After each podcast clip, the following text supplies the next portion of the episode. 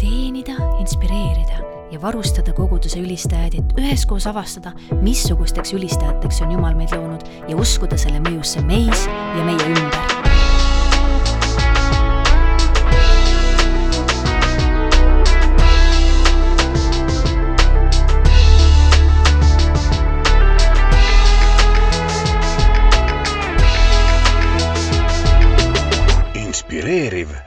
ülistus. olete kuulamas saadet Inspireeriv ülistus. minu nimi on Ragne Kivimets ja olen ülistusmissionär Eestis ja täna alustamegi kõige esimese podcast'iga, mille teema on, mis on ülistus. ja tänaseks saatekülalisteks on mul suur rõõm tutvustada Tartu Saalemi koguduse pastor Toivo Põlli ja üks mitmetest ülistusjuhtidest Rasmus Rajando. tere tulemast! tervist! tere ja aitäh kutsumast!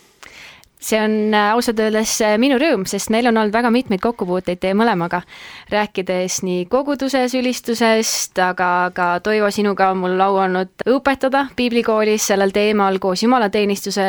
teoloogiaga ja Rasmus, sinuga olles bändis ja juhtides erinevates kohtades mm, -hmm. isegi, isegi Hollandis ja Lätis, eks ole. aga kohe võib-olla alustuseks võitegi rääkida, et miks ei saa kõik ühtemoodi ülistusest aru, sest ma arvan, et me oleme selle väitega nõus, kõik ei saa ühtemoodi ülistusest aru, aga miks see nii on? no eks põhjus on selles, et me oleme nii erinevad inimesed ja ülistuse traditsioonid on olnud erinevad kui me räägime muusikastiilist, ma arvan, et me jõuame selle saate käigus veel rääkida ka niisugusest kitsamast ja laiemast vaatest ülistusele. Aga me kõik oleme mingis mõttes oma usutraditsiooni lapsed. Ja sellepärast meil on ka erinev keel, sest see usutraditsioon annab meile mingisuguse keele, kuidas me Jumalat austame, kuidas me Jumala poole pöördume, kuidas me saame aru Jumala teenistusest, Jumala teenimisest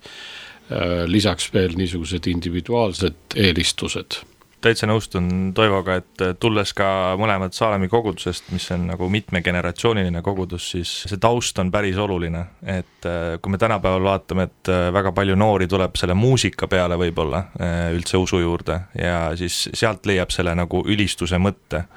siis äh, vanemad generatsioonid, äh, see taust on võib-olla natuke erinev, et mhm. noh, me tajume kuidagi seda konteksti teistsuguselt ja, ja ma arvan, et ei ole ühel ega teisel äh, vale või, või õige vastus, et siin ongi nagu selline inimese enda nagu selline omapära, et võib-olla mõni tunnebki nagu läbi muusika seda nii-öelda kontakti Jumalaga rohkem, mõni tunneb seda läbi palve, mõni tunneb seda läbi noh, piibli lugemise, mis iganes vormis see ülistus võib olla aga tänapäeva sellise noorte nii-öelda keskkonna seas on jah, see muusika kuidagi väga esile tõusnud ja siis räägitakse erinevatest stiilidest, et tihtipeale ongi nagu see, et see, mille sees me oleme nagu üles kasvanud, see muusika nagu kõnetab. ja muidugi selle küsimuse juures veel suurem panoraam on see, et mis siis ühendab mm. -hmm. et kui meil on erinevad vaatenurgad, kuidas me koguduses siiski tooksime need niiviisi kokku, et need erinevad kõlad, erinevad hääled, erinevad stiilid ja vaatenurgad ja ma nimetan kohe siin ka, et laiemalt kui ainult muusika mm, -hmm. kuidas need hakkavad niiviisi kokku kõlama, et see kõik kokku austab Jumalat ma alles hiljaaegu siin kuulsin ühest väga toredast, ta nüüd on, ma arvan, kaheksakümnendates eluaastates, elabki siin Lõuna-Eestis tore usklik äh, tädi ja tema südames oli nii suur igatsus midagi oma ümbruskonna noorematele inimestele evangeeliumi kuulutuse tööna teha ja ta ise ei leidnud seda kontakti nendega. Ja siis keegi ütles talle, et nagu, et kutsu tead see, see muusikabänd, et noh, nad teevad just roki moodi küll, aga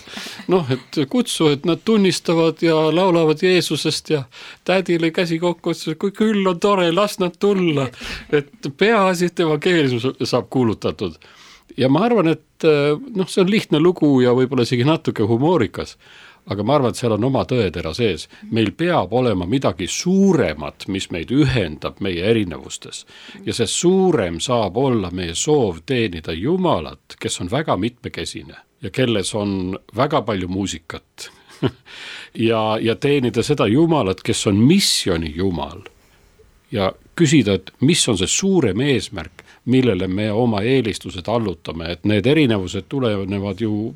väga tihti ka sellest, et meil on endal mingisugused individuaalsed eelistused ja see on täiesti okei okay., eks me nii olemegi, nagu sa, Rasmus, ütlesid, et eks meie noorpõlve muusika on meile kõige -hmm. armsam tavaliselt või millest me oleme ise kasvanud, see on kõige olulisem, aga ma arvan, et me peaksime nagu sellest kaugemale vaatama mm, -hmm. me peaksime suuremat pilti nägema, kuidas Jumal suuremalt tegutseb ja siis see hakkab kokku kõlama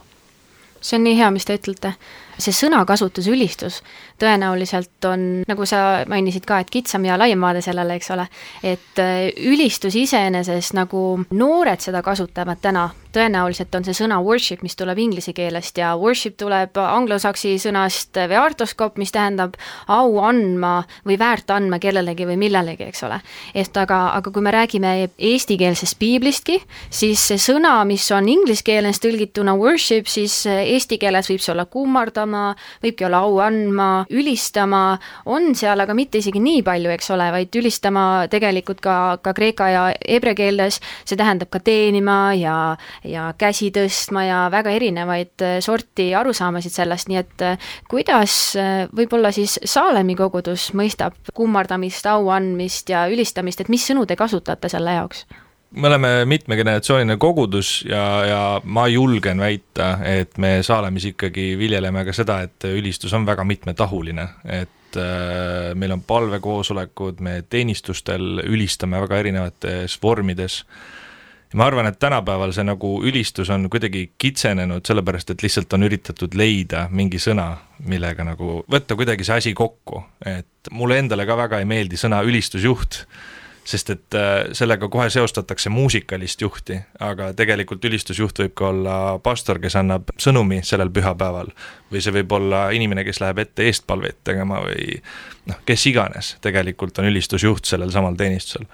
meie Saalemis ma tunnen küll ikkagi katsume ikka läbi päris mitu tahku sellest ülistusest, äh, mis see tegelikult on, et me ei jää nagu väga noh, nagu Toivo siin enne rääkis, et me ei jää väga kitsaks sellega, vaid me üritame ikkagi haarata kõiki erinevaid vorme, et iga inimene saaks nagu selle osa, mis, mis, mis ta on tulnud saama sellel teenistusel mul on väga hea meel selle saate üle, et see võimaldabki meil natukene reflekteerida mm -hmm. seda, et missugused tahud siis ikkagi sellel terminil ja sellel nähtusel endal on. Ma mõtlen, et inimeses on muidugi selline soov hästi kõik asjad ära defineerida ja öelda noh, umbes niiviisi, et see üks sõna peab tähendama seda aga tavaliselt on nii, et üks sõna võib tähendada mitut erinevat asja. Ja, ja mina ka aeg-ajalt ikka kuulen no, oma koguduse liikmetelt ka, et et mis see siis ülistus siis täpselt on, et miks me ütleme sõna ülistus ja ja võib-olla võiksime öelda lihtsalt, et laulame või kuidagi niiviisi, aga tegelikult keeles ongi mitu tahku. Noh, näiteks võtame sõna leib. leib võib tähendada seda leivatükki, mis on siin laual ja mille ma võtan ja mille ma suhu panen aga kui ma palvetan meie igapäevast leiba, anna meile tänapäev, siis ma ei mõtle ainult leiba, vaid ma mõtlen toitu, ma mõtlen seda, et mind varustatakse eluks vajalike asjadega, anna meie igapäevast leiba meile eh, iga päev, nii palju kui parasjagu tarvis on. nii, nagu meie isa palve meid suunab palvetama, et eh, me peame alati seda konteksti vaatama ja mitte takerduma liiga palju ka terminitesse, et kui me hakkame termineid liiga äh, grammi pealt ära lihvima, siis kaob ära ka keele ilu ja kaob ära ka see, et ma pean ise kuidagi osalema selles tõlgendamise protsessis, mida see tähendab. ma pean ise ka küsima, et mida see ülistus siis minu jaoks tähendab ja, ja kuidas ma seda äh, mõistan. kiriku ajaloos muidugi noh, eriti reformeeritud traditsioonis on ju väga levinud see mõte, et inimene on üldse loodud selleks, et Jumalat austada no täpselt seesama asi, selleks, et Jumalale au tuua. ja see sisaldab endas väga laialt, see sisaldab ju kristlikku elu, mis austab Jumalat. see, millest Apostel Paulus ja Peetrus ja teised räägivad ka, ka Uue Testamendi kirjades, kuidas peaks üldse elama. kui me räägime Saalemi kogudusest, siis mul on sellest mitmekesisusest tegelikult hea meel, aga ma alati püüan ka alla joonida, et Jumalat tuleb austada mitmel viisil mm. -hmm. vana eh, tallakiituse lauluraamat eh, kollaste lehtedega ja kooti kirjas, millest mina oma lapsepõlves laulsin, ühislaule koguduses. seal on mitme laulu juurde kirjutatud omal viisil wow. no ja seal on ka oma põhjendus, miks see nii on ja, ja, ja kõik nii. aga et me peaksime olema avatud sellele, et Jumalat saabki austada mitmel viisil, mitte ainult ühtemoodi. muidu me kitsendame Jumalat ka ja me ei tohi seda kunagi teha. ja sellepärast on väga tore, et meil on niisugune vahva retrokoor mm, -hmm. mandoliinikoor või keelpillikoor, mida on Eestis vabakirikutes minu teada ainult kahes koguduses järgi jäänud, Saalemi koguduses ja Olevistes mm. -hmm. ma ei tea, et rohkem oleks. enne teist maailmasõda see oli väga populaarne muidugi alati võib küsida, et kas seda kuidagi annaks nagu noh, nagu elustada või värskendada seda või, või kõik nii. ja muidugi siis need väiksemad koosseisud, ma ei tea, kas on praegu see aeg, aga ma, ma ütlen kohe ka välja, et ma tegelikult igatseksin veel mitmekesisemat äh, äh muusikalist äh, osa lisaks elu austamisele ja elu ülistamisele ja jüngerlusele, mis tegelikult ka kuulub sellesse diskussiooni. aga kui ma nüüd kitsamalt vaatan ja räägin ülistusest nagu muusika mõttes, mis toob au Jumalale ja mis kutsub ka kaasa Jumalat austama, siis mina olen väga avatud ka instrumentaalmuusikale, ka klassikalistele vormidele, mis võivad olla tegelikult väga kaasakutsuvad ja väga tähendusrikkad, nii et sellel teemal võiks kui meil millalgi on aega, räägime rohkem. ja me tõenäoliselt läheme sinna ülistusmuusika juurde ka veel edasi, aga, aga enne veel ma räägiksin teenistuse kontekstis ülistusest. ja nimelt teoloog D.A. Kerson on öelnud, et ma kaotaks igaveseks mõiste ülistusjuht. Rasmus, sa oled juba selle ka ette yeah. toonud täna. ja ta jätkab siin, et kui sa tahad laulujuhti, kes juhib osa ülistusest, nagu jutlustaja juhib osa ülistusest, siis see on sobiv aga kutsuda kedagi ülistusjuhiks võtab ära selle idee nagu läbi jutluste, õpetamiste, kuulamise, jumala sõna lugemise ja selle enda eludega väljendamise me justkui ei ülistakski Jumalat. mis, mis te sellest mõttest arvate? mina olen sellega väga päri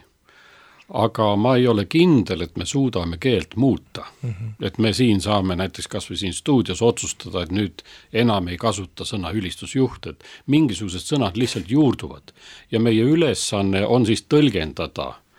muidugi keel ka areneb ja muutub, võib-olla et siin on mingisugune äh, muutus ees, ma ei tea. aga noh, muidugi võib ju öelda eeslaulja või, või laulujuht või aga mulle nagu kõlab see natuke nagu võõralt võib-olla kui hakata seda praktiseerima, võib-olla see läheb käibele, aga võib-olla ka mitte, sest, sest inimesed on need, kes võtavad keele kasutusse mingisugused asjad või ei võta. et seda ei saa kuskilt väljastpoolt niiviisi reguleerida. aga muidugi see Carsoni mõte ise, et me peaksime niiviisi oma koguduslikku elu elama ja ka jumalateenistust läbi viima, sõnastama, mõtestama, et kõik mis me teeme ja kes me oleme, on ülistuse küsimus, Jumalale austuse toomise küsimus, teenimise ja jüngerluse küsimus. mitte ainult äh, muusikaline osa või laulmine, et äh, sellega võib-olla mõni inimene ütleb, no siis ma ei saagi ülistada, sest mul ei ole niisugust häält ja nooti ei tunne ja ja bändis ei ole ja et kuidas siis mina saan ülistada, saab küll, igaüks saab ülistada. ja noh, tegelikult ju Vana Testament veel eriti tuletab meile meelde ka sellist asja, et äh, asi ei ole stiilis, isegi mitte nendes tegevustes, nii erinevad kui need ka ei ole, vaid asi on ka südamehoiakus. vanas testamendis on need tekstid, kus Jumal ütleb, et saatke see pillide kärin ära mu eest, ma ei taha kuuldagi seda. miks? sellepärast, et te elate isekalt, sellepärast, et te teete ülekohut. sellepärast, et teie süda ei ole sellega kaasas ja ma arvan, et see on, mida tegelikult Carson siin silmas peab veel lisaks nendele erinevatele tegevustele, mis jumalateenistuses on.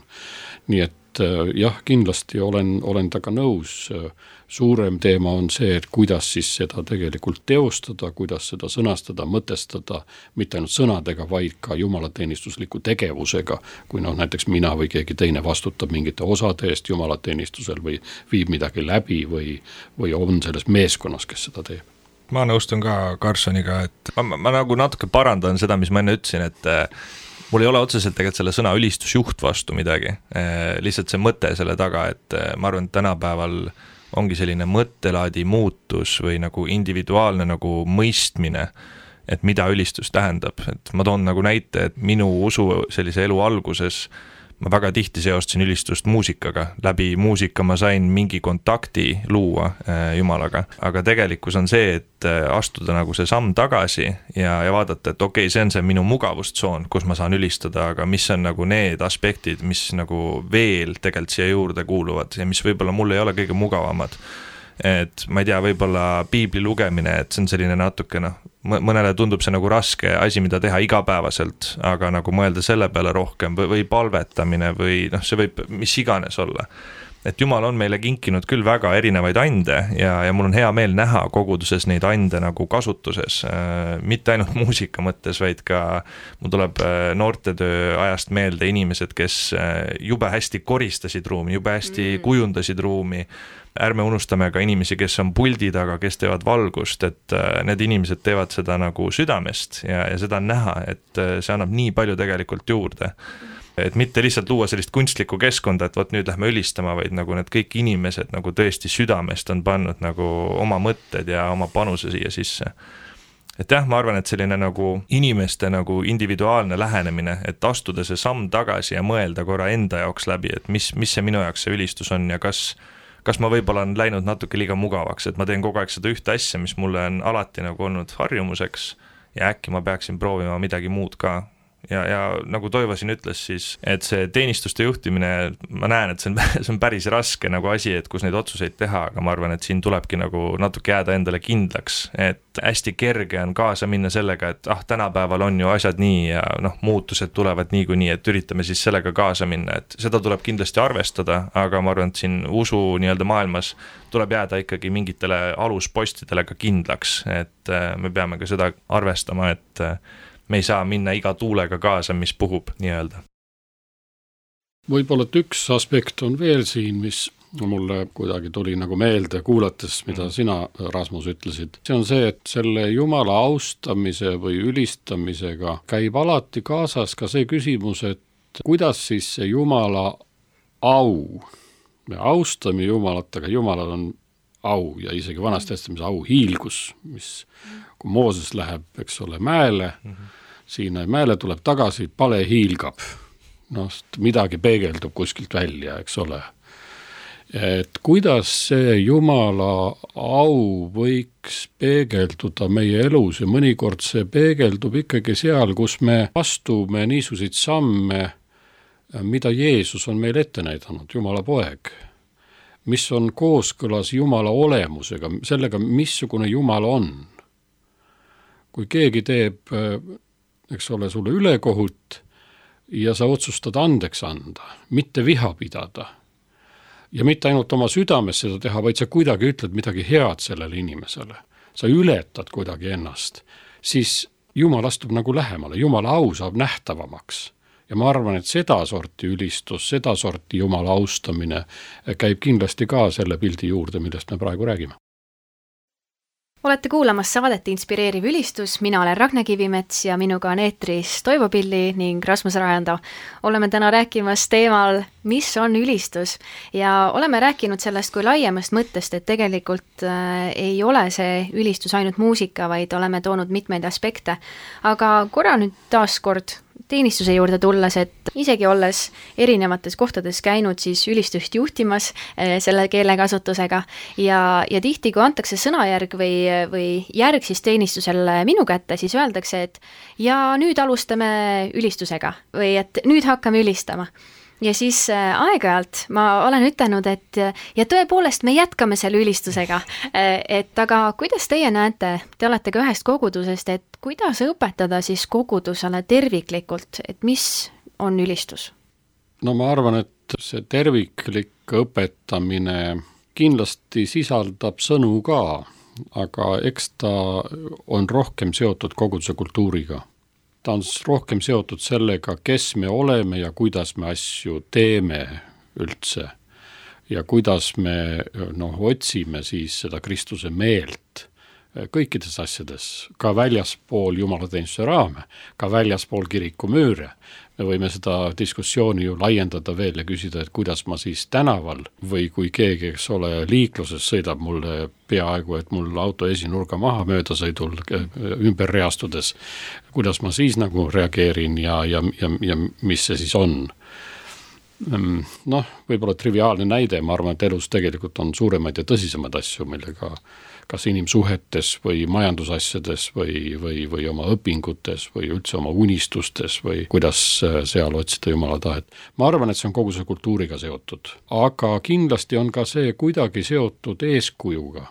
Äh, minu jaoks on väga julgustav, äh, kui ma nüüd räägin kitsamas mõttes muusikast, ülistuses, siis minu jaoks on väga julgustav, kui see on niisugune hetk, kus kõigil kohalolijatel ütleme siis, eks ole, jumalateenistusel kohalolijatel, kuigi see võib olla ka mingisugune piknik või väljasõit või, või mhm. sünnipäevapidu või mis iganes võimaldatakse, keegi võtab selle vastutuse, keegi võtab selle julgustava rolli, et ta võimaldab osaleda mhm. selles ühises Jumala austamise hetkes, sellel moel, sellel viisil, mis nüüd algab et et äh, kindlasti see on väga oluline ja ma arvan, et äh, täpselt sama asi ju tegelikult käib ka jutluse kohta, et see ei ole ainult mingisuguse teksti ettelugemine, mingisuguste tõdede kõva häälega väljaütlemine, vaid küsimus on see, kuidas see puudutab nende kohalolijate tahet, kuidas see puudutab ka nende emotsiooni, kuidas see puudutab nende usku nii et me üheskoos võiksime, võiksime midagi teha, et see, see kollektiivne mõõde ülistuses minu meelest on oluline, et me sageli käsitleme noh, kas või ka laulu osa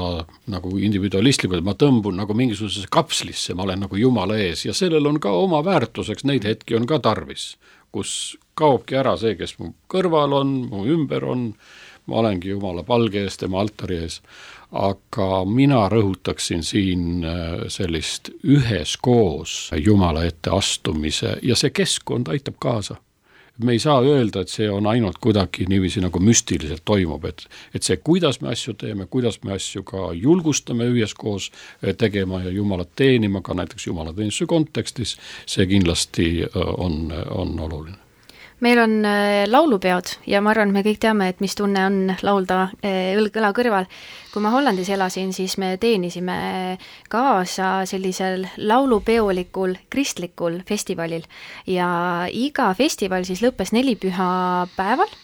ja siis inimesed kogunesid ka justkui ümber laulukaare, aga tegelikult oli see täielik ülistuspidu. ja kui te kujutate ette, eks ole, kümned, võib-olla isegi sada tuhat inimest, kes on üle Hollandi kokku tulnud, et ülistada, laulda, me laulsime koos lastelaule,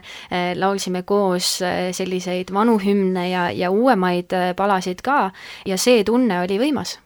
selle tõttu ma mõtlesin nagu selle peale, et nende inimestega ma oleks valmis küll ümber Jeeriku müüri eh, minema kõndima ja, ja Jumalat kiitma ülistama, vaatamagi. ja ma arvan, et ülistus selles osas on ka Jumala tahte otsimine osaliselt, tema tahte järgi käimine ja, ja lubada Jumalal ennast, ennast ka muuta, ennast ka konfronteerida. ja, ja samamoodi ka eh, mulle tuleb ikka ilmutuse raamatus meelde, et kus me lihtsalt oleme tema trooni ees ja oleme püha, püha, püha, lihtsalt ütleme Jumalale ka, et kes ta on ja keda me oleme näinud ka, et on ja ma usun, et see toob Jumalale au. aga Rasmus, sa soovisid midagi siia lisada? ma lihtsalt mõtlesin nagu eh, lisada või öelda juurde, et Toivo mõte sellest koguduse kultuurist, et ma sellega läksin mõttega kohe kaasa kui me vaatame tänapäeval kõiki neid kogudusi, kes meil on, siis äh, nii palju erinevaid liikumisi on, et äh, kes teevad oma kogunemisi kogukondades, kes tulevad kokku suure pühapäevateenistuse nii-öelda jaoks. et jah, nagu see koguduse kultuur, tegelikult sealt see kogu asi algab. ja, ja siia juurde mulle see mõte, mis nagu mulle pähe lõi, oligi nagu see, et sa pead ise seda kõigepealt uskuma, et äh, sa pead ise nagu selle sees olema, et kui sa paned kokku koguduse sellise juhtiva meeskonna, teenistust juhtiva meeskonna ja seal on inimesed, kes äh, võib-olla valivad mingeid äh, aspekte või mingeid osasid sinna teenistusse lihtsalt sellepärast, et keegi teine on ka seda ju teinud. et noh, nendel on ka ju jutlus või nendel on ka ülistuses, noh, nad teevad viis laulu tavaliselt, äkki me teeks ka või, või noh, tunnistaja võiks ka olla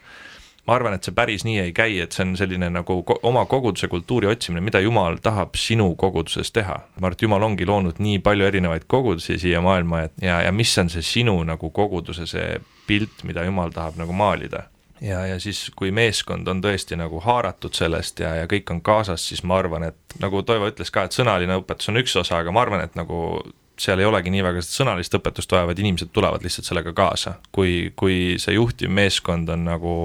selle asjaga nagu täiega ees minemas, siis ja Jumal on neid tõesti nagu kõnetanud ja viinud sinnani, siis ma usun, et ülejäänud kogudus tuleb ka selle kultuuri ja sellega kaasa, et see on see, mida Jumal tahab selles koguduses teha ja mina tahan ka olla osa sellest kogudusest. ma tahaks nüüd tuua siia juurde, et et me räägime küll ülistusest ja tihti me räägime ka sellest, et mida meie siis ülistuseks teeme, eks ole, see meie, meie teenime ja me laulame ja, ja kõike seda, mis on hästi oluline, aga kui me nüüd tuleme Vana Testamendi juurde, siis ei olnud väga võimalik üksinda ülistadagi. tuli vaja minna preestri juurde, eks ole, aga kui me nüüd elame Uue Testamendi järgsel ajal, siis tegelikult me võime igal pool, igal ajal tullagi Jumala ette ja, ja tema lau tuua äh, läbi kõige, mida me teeme, läbi oma elude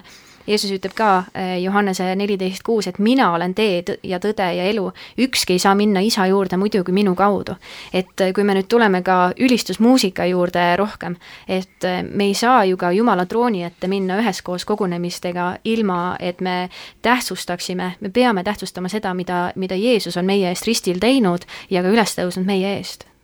jah, ongi nagu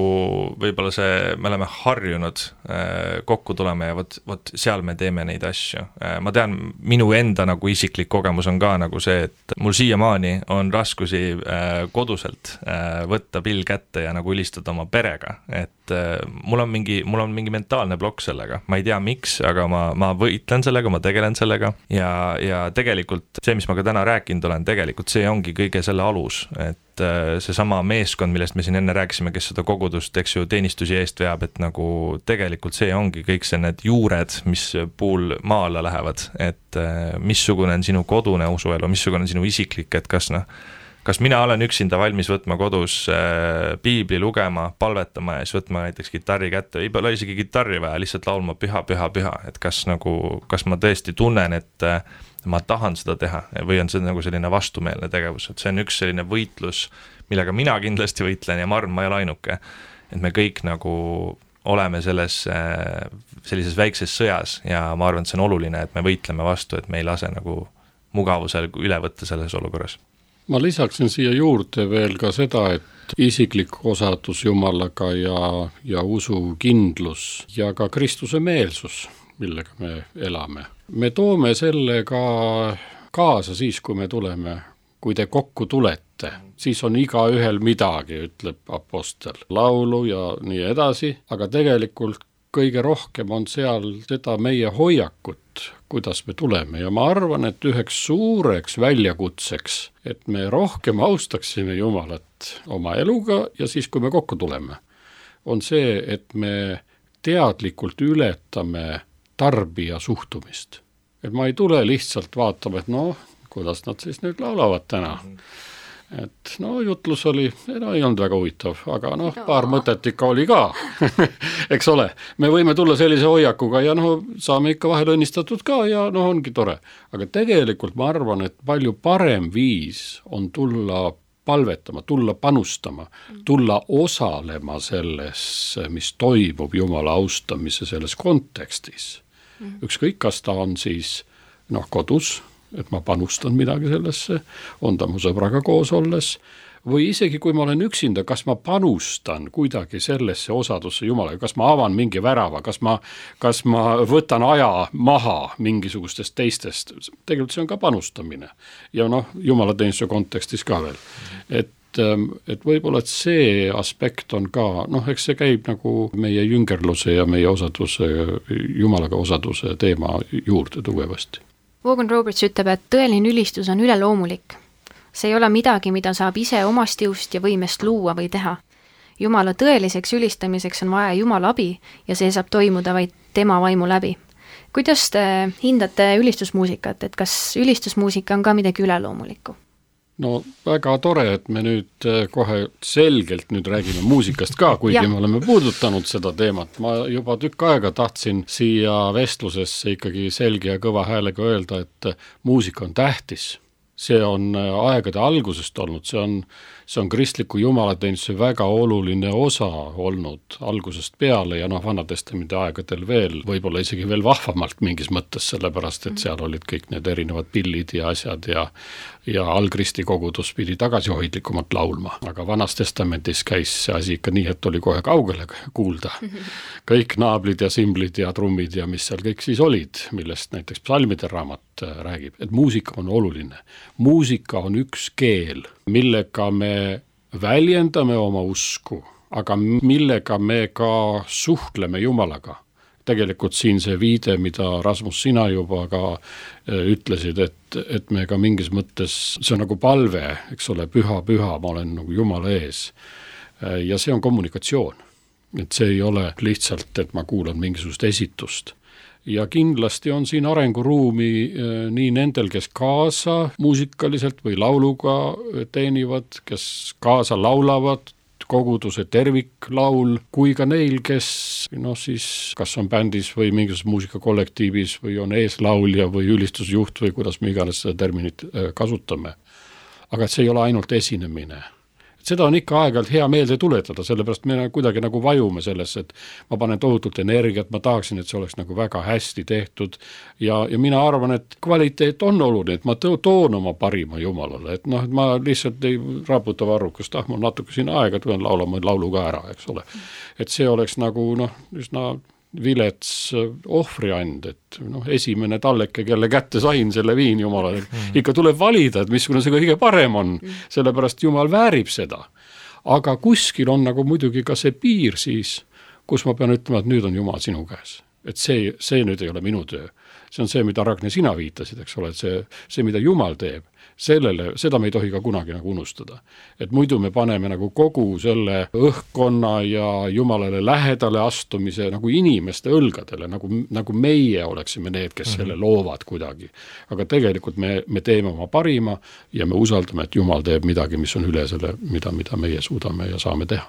Mart, üleüldiselt muusika on üleloomulik nagu vahet ei ole, mis muusika, et äh, meil on maailmas nii palju erinevaid stiile, äh, olgu see mingi šamaani trummi löömine või äh, metal-muusika või mis iganes, et see kõnetab inimesi. ja siia otsa nagu rääkida ülistusmuusikast, siis noh, vaadates seda nagu muusiku perspektiivist, ma mäletan, kui mina nagu sattusin esimest korda ülistusõhtule, tegelikult see ülesehitus paljudel äh, ülistuslauludel on väga lihtne ja muusikute arvates on see tihtipeale isegi igav, kui vaadata nagu seda, et vot ta mängis nüüd sellise partii sinna ja mängib ainult põhimõtteliselt nelja akordi peal mingit asja aga kindlasti on siin väga suur osa sellel, mida Jumal teeb selles keskkonnas ja ma arvan, et see ongi nagu tegelikult see tuumik, see põhiline, et kui minna nagu lavale ja mõelda, et noh, ma lähen nüüd esinema, siis noh, see ei ole see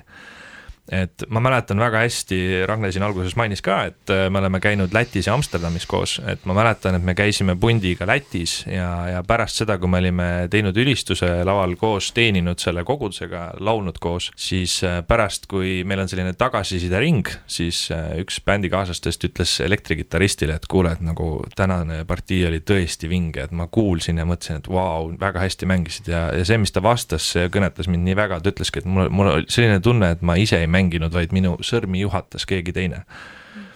ja, ja ma arvan, et sellised nagu olukorrad, ma loodan, et iga ülistusmuusik on kas kogenud või saab kogema oma elu jooksul, kus ta saab ülistuses kaasa teenida, ülistusmuusikas siis täpsemalt jumala osa on siin väga suur, et kui lihtsalt mängida neid laule mängimise pärast, siis ta jääbki selliseks tühjaks. et seal on see tegelikult äh, sisseminek ja tõesti nagu selles olemine on see minu jaoks kõige olulisem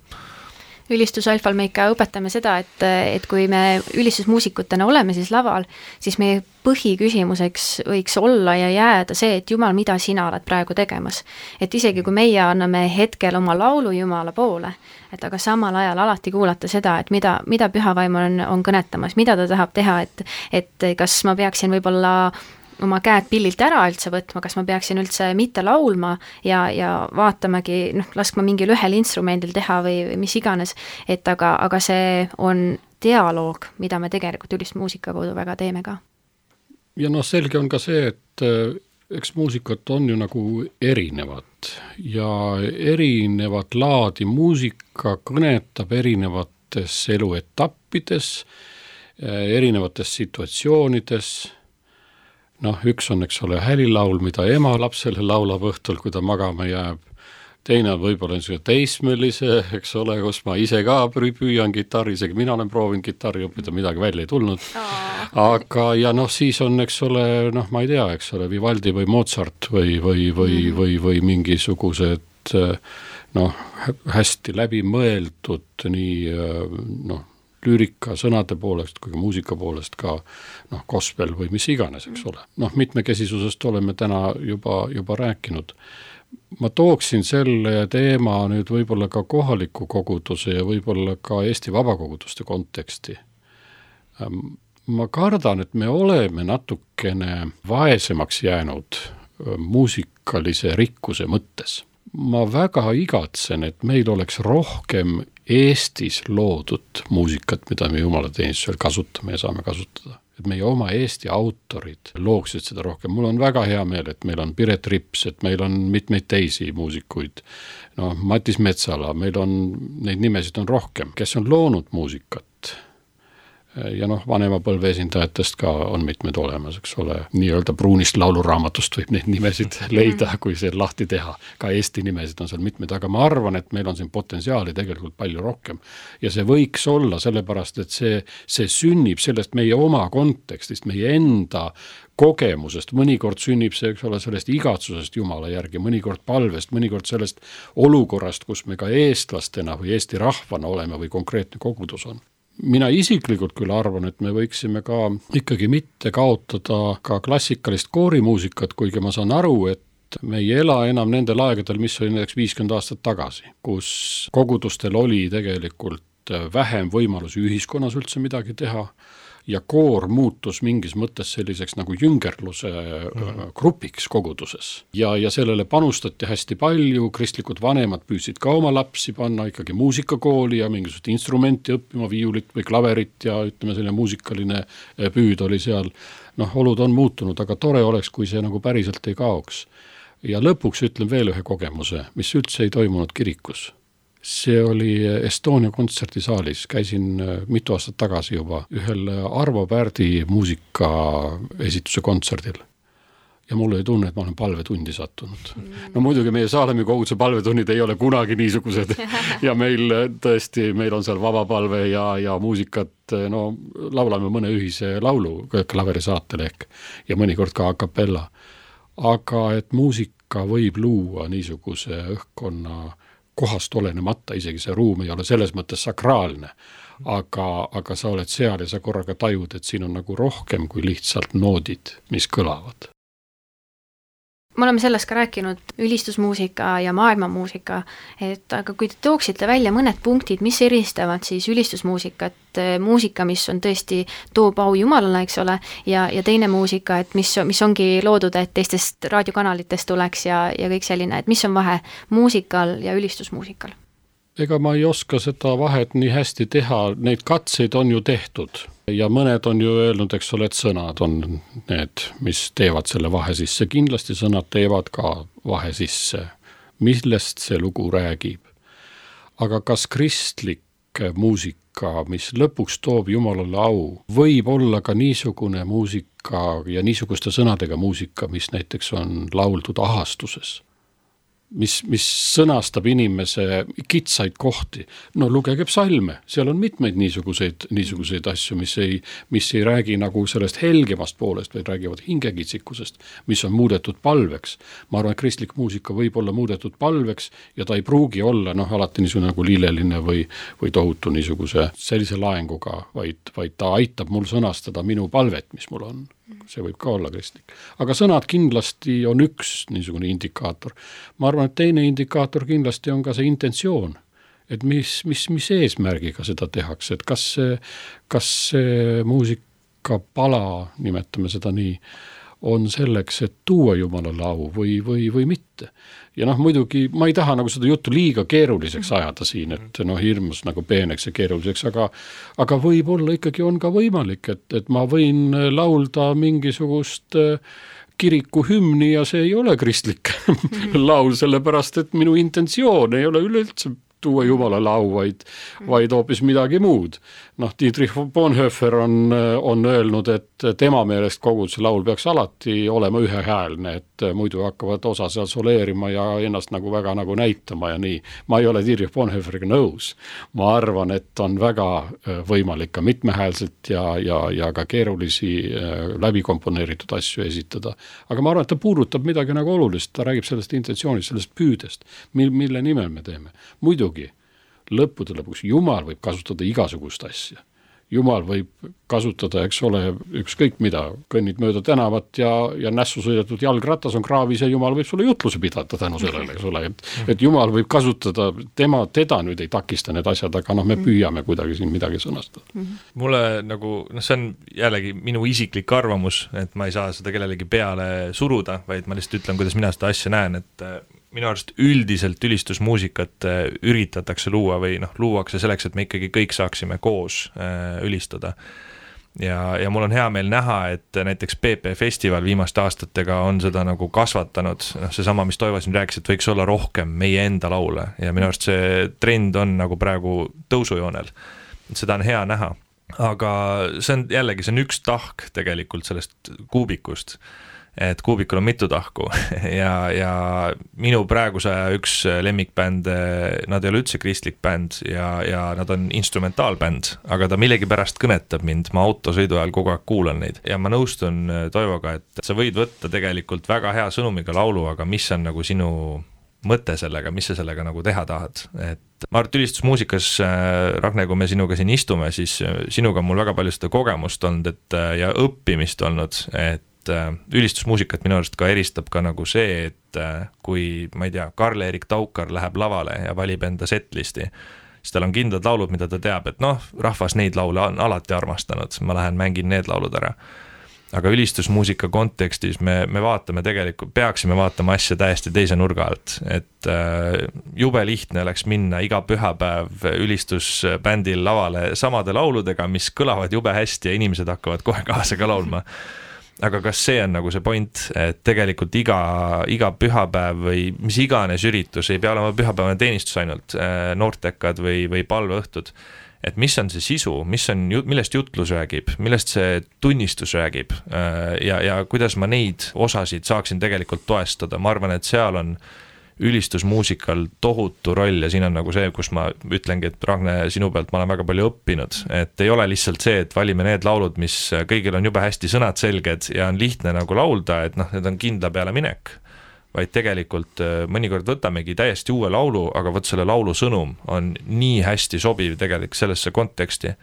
ja, ja olles ka laval, äh, kus äh, sinuga koos, et äh, vahepeal muudad kasvõi laval olles mingi laulu ära, sest et jumal kõnetab või jumal annab kuidagi märku, et vot inimesed tahavad võib-olla seda laulu pikemalt laulda või inimesed liiguvad kuidagi sellise laulu suunas.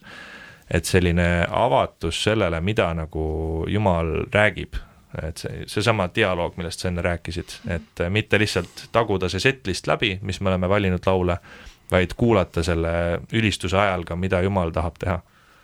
aitäh sulle ja, ja ma arvan, et me oleme mõlemad seda koos õppinud ja, ja erinevates kogemustes Jumal õpetab meid ka äh, ja, ja kõnetab meid. Ma tahaks tuua väljakutse meie kuulajatele. Me oleme rääkinud siin täna, et mis on ülistus, me oleme rääkinud selle laiemas kontekstis ja me oleme rääkinud seda muusikalises kontekstis, aga väljakutseks tahan teile tuua, et küsige oma koguduse liikmete käest, oled sa ülistusmuusik, oled sa pastor või, või oled sa teeninud hoopis teistsuguses valdkonnas, aga küsi oma koguduse liikmete käest, mis on ülistus ja mis on ülistusmuusika eesmärk teenistustel teie kogudustel? Aga olemegi jõudnud üpris lõpusirgele tavaliselt siin küsingi, et aidata ka noorematel ülistusvaldkonna tulijatel mõista rohkem eh, sellest kontekstist ja, ja tuua neile ka abiks, et lõpeta minu lause. oma teenimise alguses ma oleks tahtnud teada, et oma teenimise alguses ma oleks tahtnud teada, et eh, Jumala austamine jumalateenistusel on erinevate elementide ja meeskonnatöö kooskõla. ma arvan, et ma, ma panin nagu iseendale väga suure vastutuse jumalateenistuse läbiviijana, juhina, koguduse pastorina, aga luua meeskonda, see oleks olnud väga hea teadmine, eks ma natuke püüdsin seda teha ka, aga, aga see selgem suund selles suunas oleks tegelikult midagi niisugust olnud, mida ma oleks kindlasti tahtnud teada siis paremini ja teha paremini. Oma teenimise alguses mina oleks tahtnud teada, et ülistus on palju enamat kui lihtsalt laulude kooslaulmine. Ma tulen sellisest taustast, et äh, ma ei ole kristlikust perekonnast pärit ja ma jõudsin Jumala juurde sellises hilises teismeeas. Ja alguses oligi nagu see, et äh, üritused, kus ma käisin, noorteõhtud, äh, mõned teenistused, ma nägin, et see kooslaulmine pani nagu kuidagi asjad liikuma, aga oleks nagu alguses jah, võib-olla läbi jüngerluse tahtnud rohkem teada, mis asi on ülistus, seesama, mida, millest me täna räägime siin. ma arvan, et see algus oli selline natuke ühekülgne, oleks tahtnud näha rohkem külgi ja ma arvan, et selle selle jaoks olekski väga hea olnud selline tugev jüngerlussüsteem, kus, kus ma oleks kellegi käest saanud neid küsida, see oli väga hea mõte, mis sa, Ragnar, ütlesid, mine ja küsi, mis on ülistus, et just sellised vestlused tegelikult panevadki nagu, avavad neid uksi, mis nagu panevad meid mõtlema meie enda mõttes ja kui ka teiste inimeste nagu arvamusi kuuldes, et mis asi see ülistus on nagu meie koguduses, mis asi see on minu jaoks ja mis asi see üleüldse on. et see mõtteprotsess tegelikult saaks liikuma pandud aitäh heade mõtete eest, järgmine kord juba uued külalised ja mõtted. hoia silm peal sellel kanalil, kus sa oled meid kuulanud ja Mission Estonia Worship Facebooki ja Instagrami lehtedel. kohtumiseni